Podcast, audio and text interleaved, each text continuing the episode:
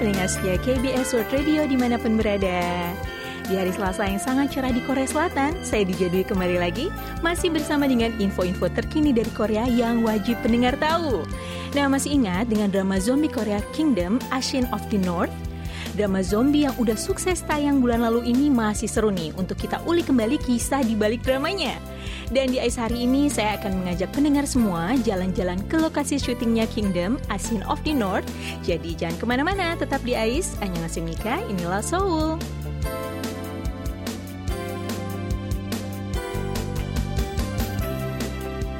Pendengar pasti udah sering dengar kan ya tentang upaya Korea Selatan dalam mengurangi sampah plastik negaranya? Nah, dari pelarangan penggunaan plastik belanja di supermarket, larangan pemakaian sedotan dan cup sekali pakai di kafe-kafe, dan masih banyak lagi nih. Perlahan tapi pasti ya, Korea ini ingin mengubah negaranya menjadi lebih ramah lingkungan. Nah, tapi pendengar, tentunya kebijakan ini nggak berhasil tanpa dukungan dari masyarakatnya. Walaupun awalnya sulit ya ngubah kebiasaan, tapi lama-lama nih makin banyak masyarakat Korea yang sadar akan pentingnya mengurangi sampah plastik demi lingkungan. Dengan tingkat kesadaran dan kepedulian yang makin tinggi, kebijakan-kebijakan pengurangan sampah plastik di negara ini akhirnya terus membuahkan hasil. Ya, makin ke sini makin banyak nih orang Korea yang berani bersuara tentang isu sampah plastik dan juga lingkungan. Dan dengan kekuatan masyarakat sampai bisa membuat perusahaan makanan kemasan Korea akhirnya mengikuti permintaan masyarakat masyarakat untuk menciptakan kemasan produk yang lebih ramah lingkungan. Ini adalah hasil kerja keras dari sebuah komunitas pencinta lingkungan berbasis online yang udah sejak tahun lalu nih mengkampanyekan pengurangan sampah plastik. Mereka melakukan aksi pengembalian sedotan minuman kemasan, tutup kaleng makanan instan, dan tutup kemasan yogurt yang terbuat dari plastik pada perusahaan yang memproduksinya. Gerakan ini awalnya bermula di media sosial Instagram, lalu masyarakat yang tergerak untuk ikut dalam aksi ini akhirnya berkumpul dalam komunitas dan dengan sukarela menjalankan misi mereka mengembalikan sedotan dan tutup plastik kemasan pada perusahaan produsennya. Tujuan utamanya adalah untuk menyampaikan pesan pada perusahaan, pemerintah, dan juga masyarakat untuk sama-sama lebih peduli pada kelestarian lingkungan dengan memulainya dari diri sendiri. Ini bukan merupakan bentuk protes atau boykot ya pendengar, tapi murni sebuah ajakan dari konsumen pada semua pihak agar mau peduli masalah lingkungan. Nah, dengan konsisten dan komitmen yang tinggi, akhirnya kini satu persatu perusahaan yang mendapat pengembalian ini mengeluarkan produk yang lebih ramah lingkungan tanpa bahan plastik yang nggak diperlukan. Seperti beberapa merek ham kemasan kaleng yang sekarang udah nggak lagi menyertakan tutup plastik dalam produknya juga produsen dari susu kemasan yang merilis produknya tanpa sedotan plastik. Sayangnya nih, setelah pandemi melanda, ada masalah baru lagi nih pendengar. Sejak pandemi ini kan layanan pesan antar ini jadi lebih ramai ya dari biasanya. Begitu juga dengan bungkus plastik yang digunakan tentunya. Nah, tanpa kita sadari, plastik-plastik ini akhirnya jadi sampah dan jadi masalah baru lagi deh buat lingkungan. Seorang profesor yang juga peduli dengan kelestarian lingkungan akhirnya bersuara dan memberikan solusi untuk masalah ini. Menurutnya, kemasan makanan yang dipakai itu harusnya distandardisasi agar pabrik kemasan bisa memproduksi kemasan yang lebih ramah lingkungan, mudah, dan dengan biaya yang murah. Kemasan bisa didesain khusus agar bisa dipakai kembali dan pembeli juga bisa mengembalikan kemasan itu setelah dicuci terlebih dahulu. Harapannya nih, pembeli dan penjual bisa sama-sama diuntungkan ya. Begitu juga dengan lingkungan yang tetap terjaga tanpa adanya tumpukan sampah plastik.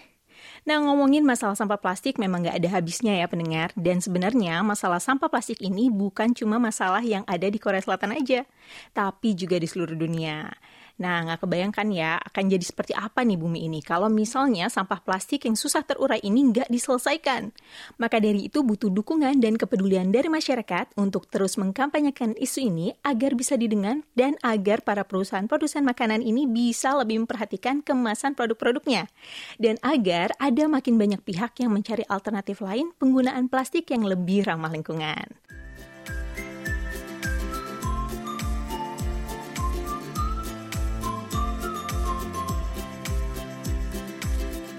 Pendengar punya nggak sih rencana bulan madu impian yang pengen pendengar lakuin bareng pasangan setelah menikah nanti? Nah kalau misalnya bulan madu ini kan biasanya yang dibayangin ini pasti jalan-jalan romantis sama pasangan ya. Pergi ke luar negeri misalnya, atau nginep di resort mewah tepi pantai. Nah pokoknya semuanya dilakuin yang indah-indah berdua aja. Sampai seolah-olah dunia itu cuma milik berdua aja. Bener kan pendengar? Tapi pendengar pernah nggak sih ngebayangin kalau ngelakuin bulan madu yang anti mainstream nih yang jarang dilakuin sama banyak pasangan. Misalnya nih, bulan madu sambil ngelakuin kegiatan sosial. Nggak kebayangkan ya pendengar, bulan madu tapi isinya malah kegiatan sosial. Beda banget kan ya sama bulan madunya kebanyakan pasangan? Tapi inilah yang dilakuin sama pasangan muda asal Korea yang satu ini. Mereka adalah pasangan Kim dan Hong yang masing-masing berumur 32 dan 38 tahun. Sejak sebelum menikah, akhirnya mereka memutuskan untuk berhenti bekerja dan melakukan perjalanan keliling dunia. Mereka menikah sejak tahun 2019 lalu dan telah keliling dunia selama setahun ke belakang. Awalnya nih, di tengah perjalanan mereka, mereka berniat untuk ngelakuin kegiatan yang berbeda dan berkesan di tempat yang mereka kunjungi. Nah, Kim dan Hong pun akhirnya berinisiatif untuk melakukan bakti sosial yang awalnya nih mereka rencanakan hanya berlangsung selama dua minggu aja. Tapi nyatanya mereka ketagihan dan menghabiskan lima bulan dari satu tahun waktu perjalanan mereka untuk ngelakuin kegiatan sosial. Mereka pun nggak nyangka ya akan ngisi separuh waktu bulan madu mereka dengan melakukan kegiatan ini. Nah, salah satu negara yang mereka kunjungi ini adalah India. Di sana mereka dengan sukarela mengajar bahasa Inggris dan matematika Amerika pada anak-anak kurang mampu selama hampir dua minggu dari pagi hingga sore. Nah, bukan cuma ngajar aja, mereka juga membangun rumah untuk warga setempat dengan biaya donasi yang mereka peroleh lewat media sosial. Selain di India nih, donasi mereka juga sampai di Tanzania, Afrika. Dan berkat donasi mereka ini, mereka juga berhasil membangun kembali sekolah yang udah tidak layak pakai di sana. Dan kabar terakhir dari pasangan ini, mereka baru saja kembali dari Peru untuk membantu sekitar 50 lebih anak-anak yang membutuhkan pendidikan yang layak. Nah, Kim dan Hong juga mengaku nggak nyesel nih telah merelakan pekerjaan mereka di perusahaan demi melakukan hal yang ternyata mereka sukai ini. Nah, pengalaman-pengalaman yang udah mereka dapatkan nih selama membantu sesama di berbagai negara membuat mereka makin bersemangat dan bertekad akan lebih sering melakukan hal serupa lagi. Sangat inspiratif banget ya pendengar apa yang dilakuin sama pasangan muda asal Korea ini. Waktu bulan madu yang mereka pikir nih akan mereka habiskan berdua aja, eh malah mereka manfaatkan untuk ngelakuin kegiatan sosial nih di banyak negara. Jadi keliling dunia bukan cuma sekedar jalan-jalan atau bulan madu saja, tapi juga bisa ngelakuin hal-hal baik yang gak akan pernah bisa mereka lupain. Dan tentunya nih bisa jadi cerita seru untuk anak cucu mereka nantinya. Semoga ke depannya makin banyak ya anak-anak muda seperti Kim dan Hong yang peka dan peduli akan masalah sosial yang terjadi di dunia dan mau menolong sesama tanpa melihat identitas.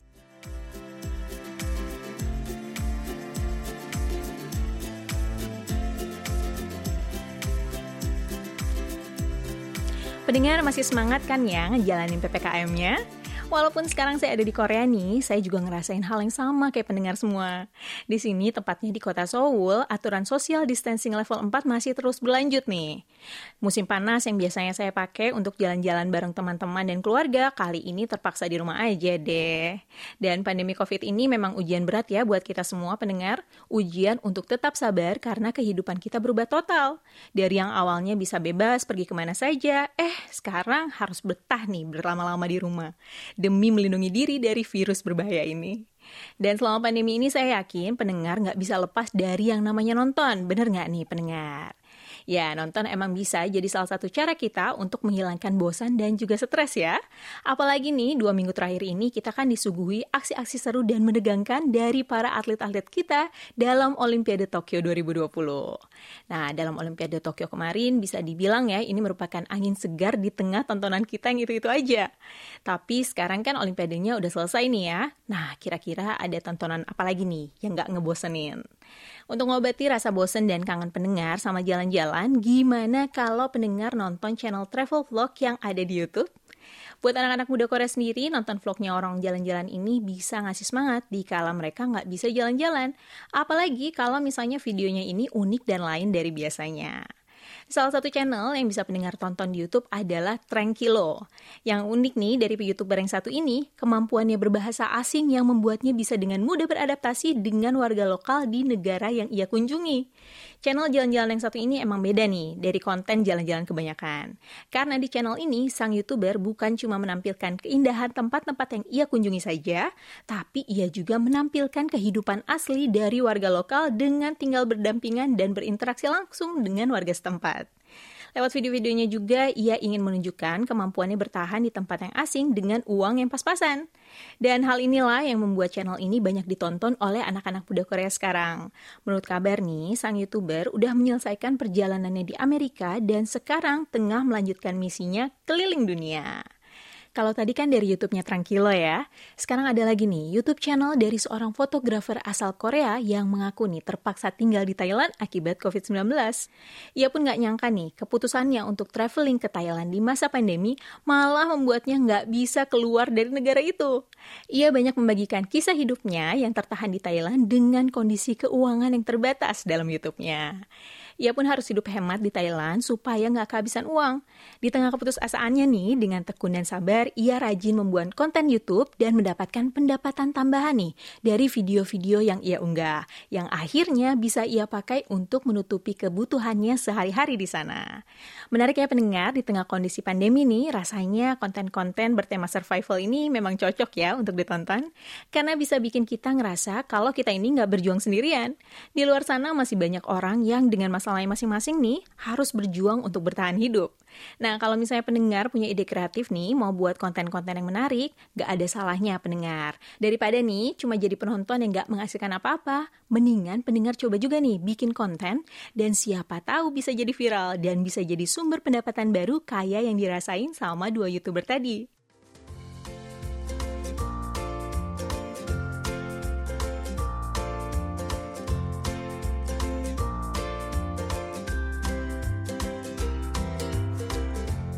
Pendengar ngerasa nggak sih selama pandemi ini kita jadi lebih rajin masak di rumah ketimbang beli di luar? Bukan cuma karena takut virusnya aja ya, tapi kalau dipikir-pikir nih, kalau misalnya tiap hari beli makan di luar, boros banget kan pendengar? Nah makanya demi hidup lebih hemat, masak sendiri di rumah bisa jadi alternatif dan jadi sarana untuk menghilangkan bosan di rumah aja. Sama halnya dengan orang-orang di Korea pendengar. Sejak pandemi ini, masyarakat Korea nih yang sebelumnya hobi banget makan di luar, jadi lebih sering masak di rumah. Nah, masak di rumah ini harusnya bisa jadi lebih hemat ya dibandingkan makan di restoran. Tapi belakangan ini harga-harga kebutuhan pokok di Korea naik drastis pendengar. Contohnya aja telur nih ya. Satu kotak telur yang berisi 30 butir harganya sudah naik 39% dibandingkan tahun lalu. Dari 5 ribuan won sekarang jadi 7 ribuan won. Bahkan sempet nih sampai hampir 9 ribu won. Yang kalau dirupiahin bisa sampai lebih dari 100 ribu rupiah per kotaknya. Mahal banget kan pendengar? Itu baru telurnya aja ya. Bahan-bahan makanan lainnya juga ikut naik. Sampai-sampai nih bikin orang Korea harus berpikir kembali apa mereka benar benar harus masak di rumah atau mendingan beli makanan jadi aja. Nah beruntungnya sekarang di Korea udah banyak yang menjual meal kit. Nah meal kit ini berisi bahan masakan komplit, ada sayurnya, lauk, dan bumbu lainnya yang sudah dibersihkan, sudah dipotong, dan ditakar sesuai porsinya. Jadi masak jadi serba praktis deh. Dan mudah ya dengan meal kit ini. Harganya pun bisa dibilang terjangkau pendengar karena meal kit ini udah disesuaikan porsinya. Jadi nggak akan ada nih bahan yang kebuang sia-sia. Nah, sebuah data juga menunjukkan kalau harga produk-produk kit terbilang cukup terkendali dibandingkan harga barang lainnya yang belakangan ini nggak stabil. Hal ini bisa terjadi karena pihak produsennya telah bekerja sama langsung dengan mitra kerjasama penyedia bahan makanan maupun petani dengan skema kontrak.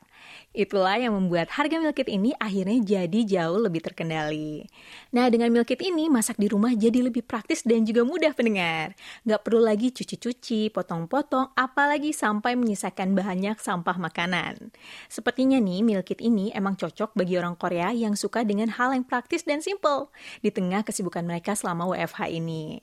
Nah, pendengar di rumah pernah nggak sih masak pakai meal kit?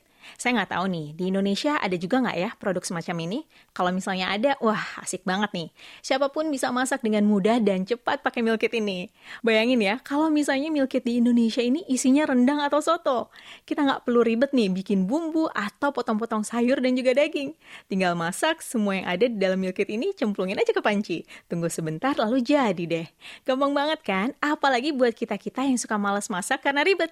Wah, meal kit ini bisa jadi solusi banget nih.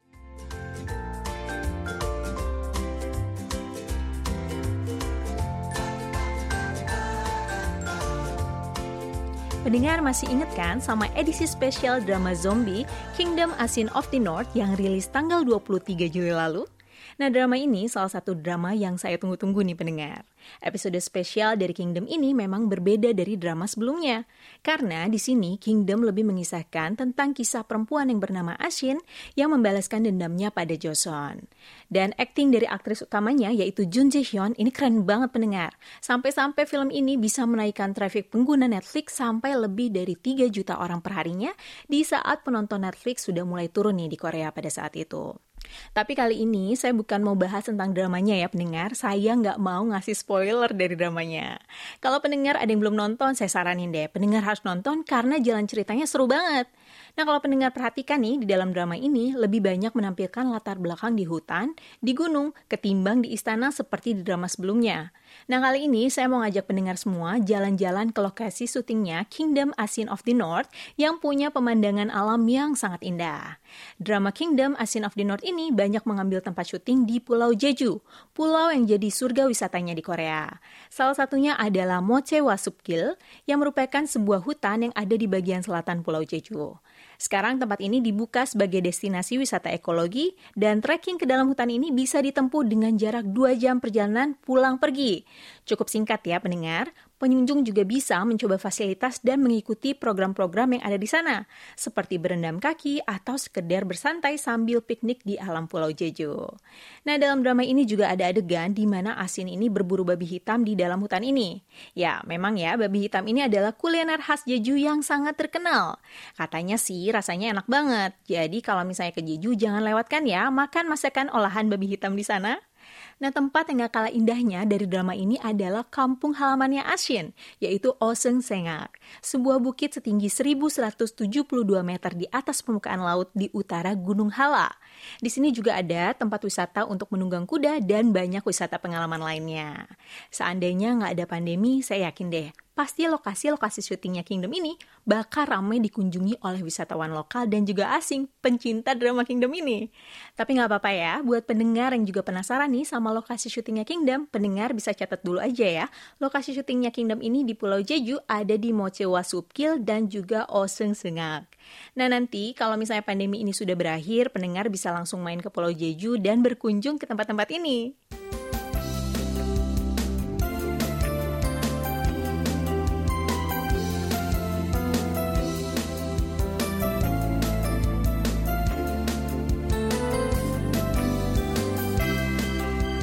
Akhirnya sampai juga kita di penghujung program AIS hari ini. Terima kasih untuk pendengar semua yang selalu setia mendengarkan AIS dari awal sampai selesai. Jangan lupa untuk terus dengarkan AIS besok di jam yang sama. Sekarang saatnya saya pamit, saya DJ Dwi undur diri. Sampai ketemu lagi. Neildo Hamge Heo.